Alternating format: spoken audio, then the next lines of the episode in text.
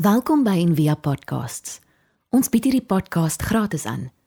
Om 'n bydrae te maak, besoek gerus ons webblad en via.org.za vir meer inligting. Goeiemôre julle.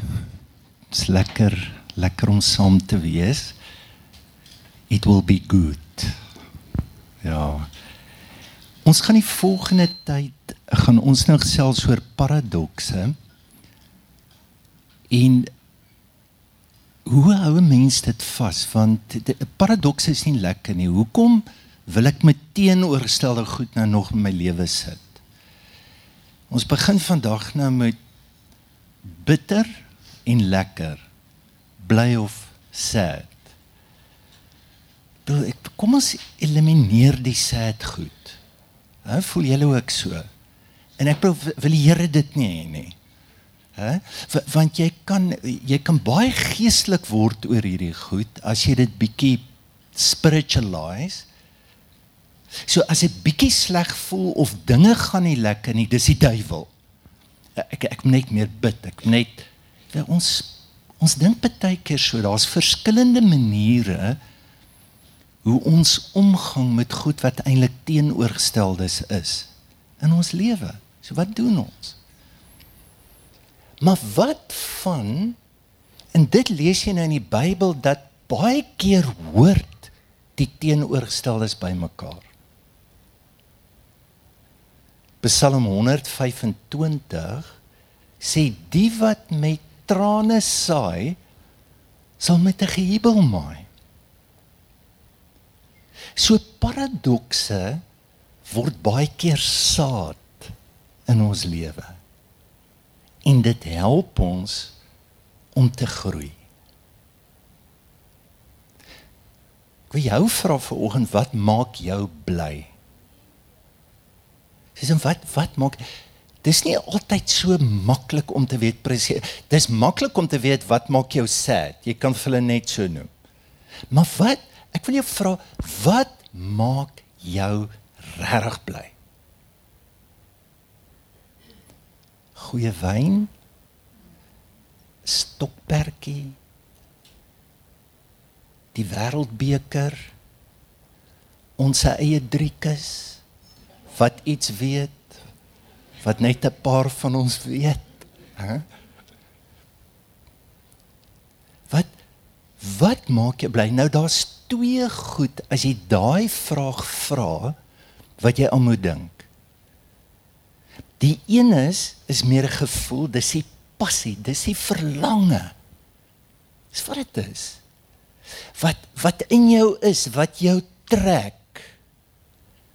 En dan die tweede ding is maar wat is die purpose van die ding wat jou trek? Waarna toe vat hy jou? So kom ek vir jou vra, wat maak jou bly?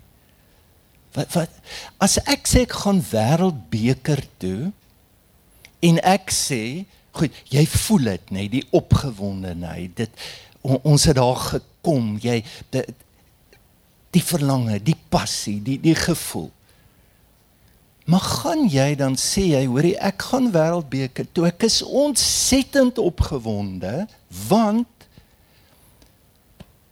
ek gaan verskriklik bly word want ek gaan om te kyk wie's die beste span En as die beste span wen, my purpose is om te gaan kyk na die beste span, gaan ek verskriklik bly wees.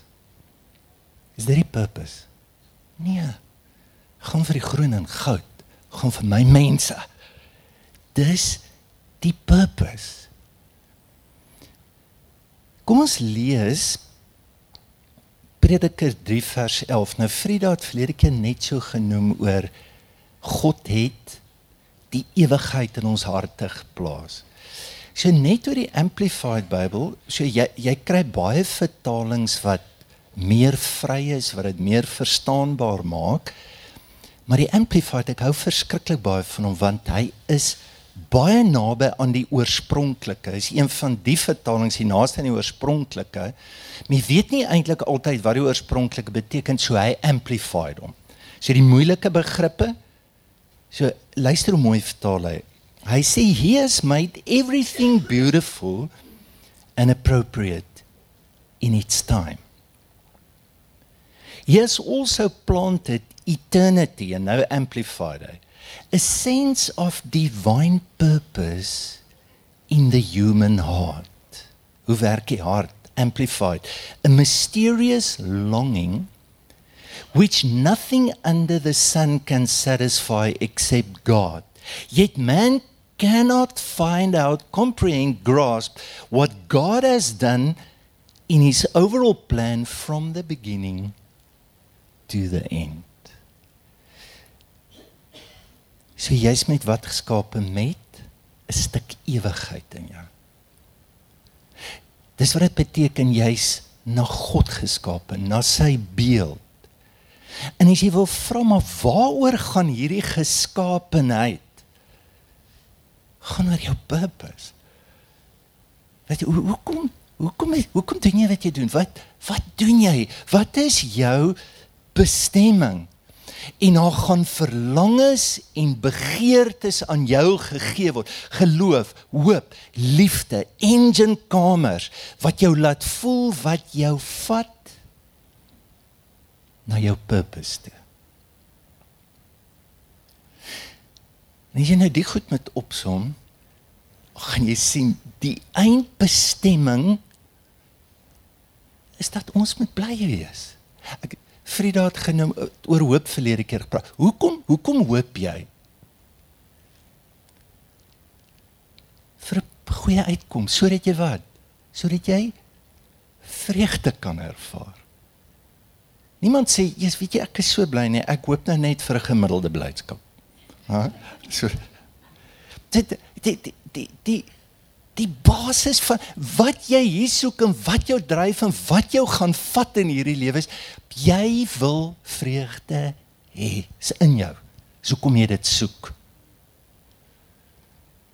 Ja, Paulus geleer koninkryk van God bestaan nie uit spys en drank en hy verwys na 'n klomp simpel wette wat mense maak. Hy sê dit bestaan in blydskap in die Heilige Gees. Dis die koninkryk van God. So ons voel dit. Dis emosie. As Jesus sê laat die koninkryk kom, dit is wat jy gaan ervaar en wat jy gaan voel. Kyk, hier is 'n baie groot ding nê waaroor mense in die eeue al soort van maar okay, wat is dit? Hoe werk dit?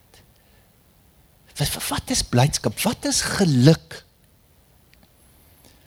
So die van julle wat nou hou van skiedenis en filosofie, so daar was 'n ou 400 voor Christus, Aristippus. Sy naam is bietjie verdag, maar hy het 'n filosofie gehad. Weet jy kom is jy hier? Tom, jy moet bly wees.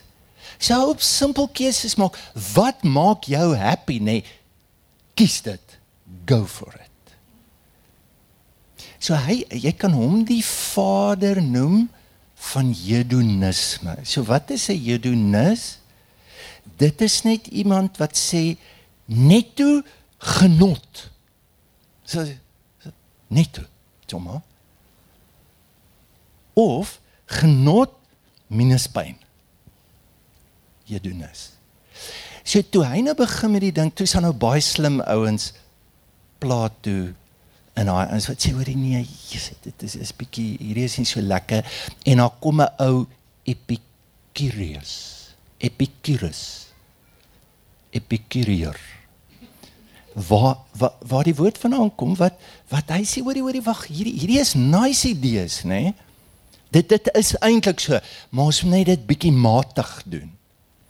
En julle sal weet in die renessans het elke tweede ou gesê Epicurus Dit was soos haleluja. Want hier's die nuwe tydperk van mooi en skoonheid en genot en ons is nou klaar met die middeleeue. Nou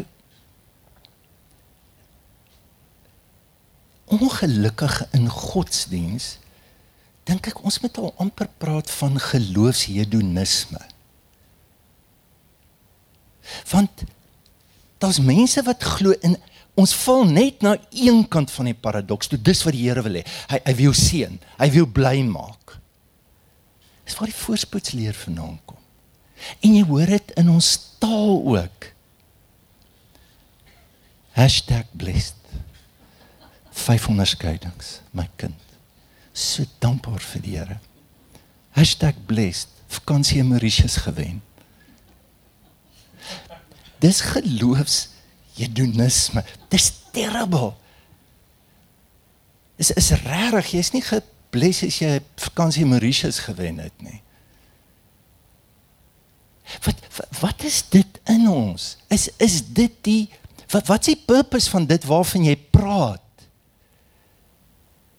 So die verhaal wat ons gelees het is eintlik 'n ongelooflike kyk in 'n vreeslike paradoks.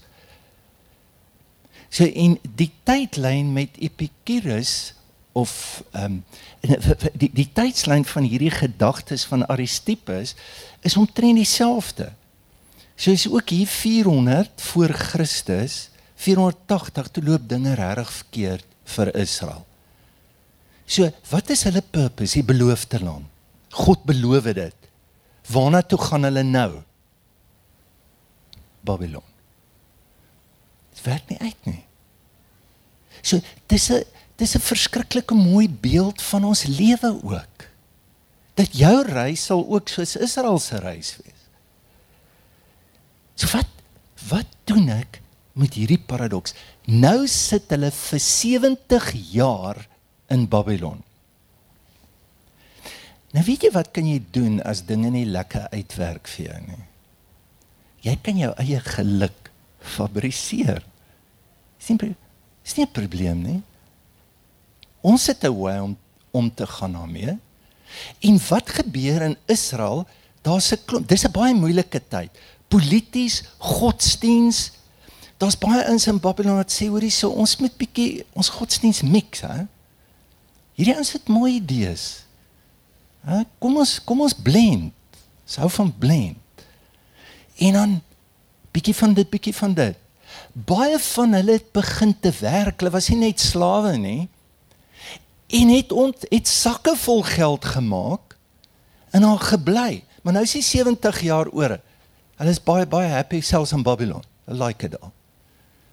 En dan kom die profete en dan sê die profete vir hulle bekeer.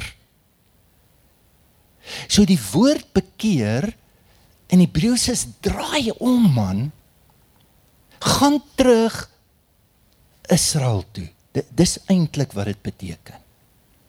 Wil jy nie nou jou gemak, wil jy nie nou die geluk wat jy vir jouself geskep het wil jy dit nie los en teruggaan nie. En en dan so die opdrag van Nehemias hy moet 'n muur bou. En in daai tyd was dit iets verskriklik groot. En dit is 'n mooi beeld van blydskap want in jou kop moet jy uitfigure maar wat is dit wat God vir my gee in blydskap? So vir Israel was dit veiligheid, stabiliteit, maar ook identiteit. Dis wie julle is.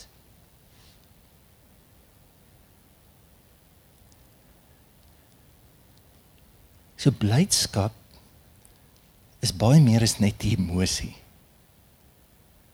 Dink aan 'n muur waarin jy die stabiliteit waarin jy wie jy werklik is, identiteit en wat jy die veiligheid van jou lewe in verberg en bou. Dis blydskap. Die Spreker sien, hy sê a merry heart is like medicine. Dis medisyne. Blydskap is soos genuine medisyne vir jou. Jy kan baie geld spaar elke dokter moet eintlik as jy 'n Christelike dokter is, nee, dan moet jy voorskrif gee.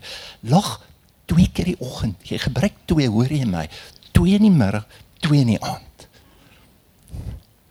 Ek lees hierdie week op 'n webwerf um laughter sessions en dit is 'n oulike meisie in Kaapstad wat baie groot kliënte het. Um Woolworths, Pick n Pay, Medikliniek en die parlement Kyk, daar het nog nie lekker gewerk nie.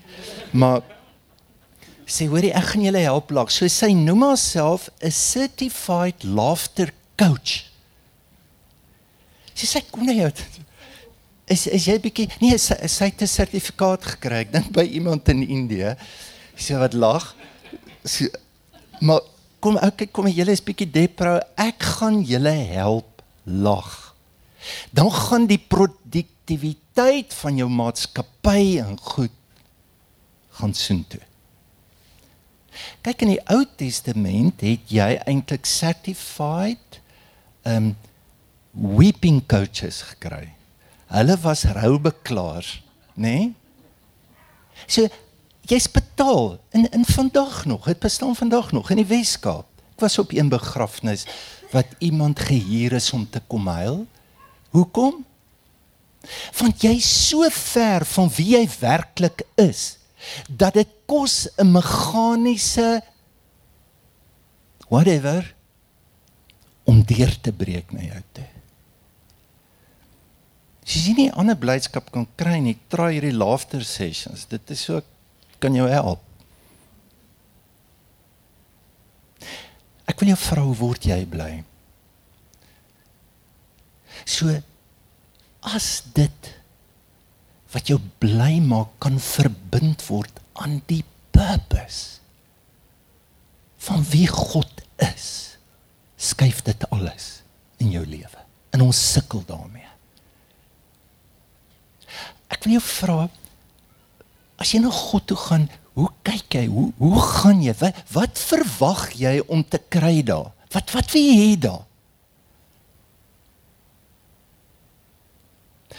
As God die bron.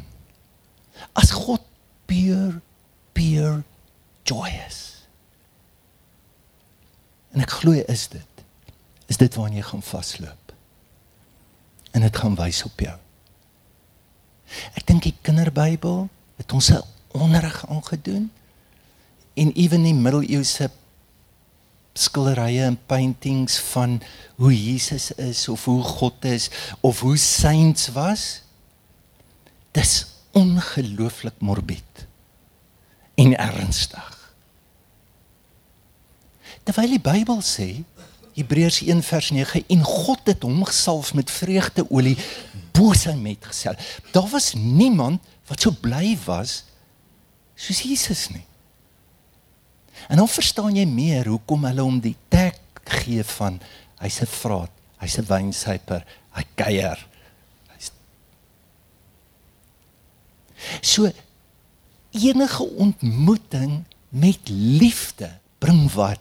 Met ware liefde. Die blydskap.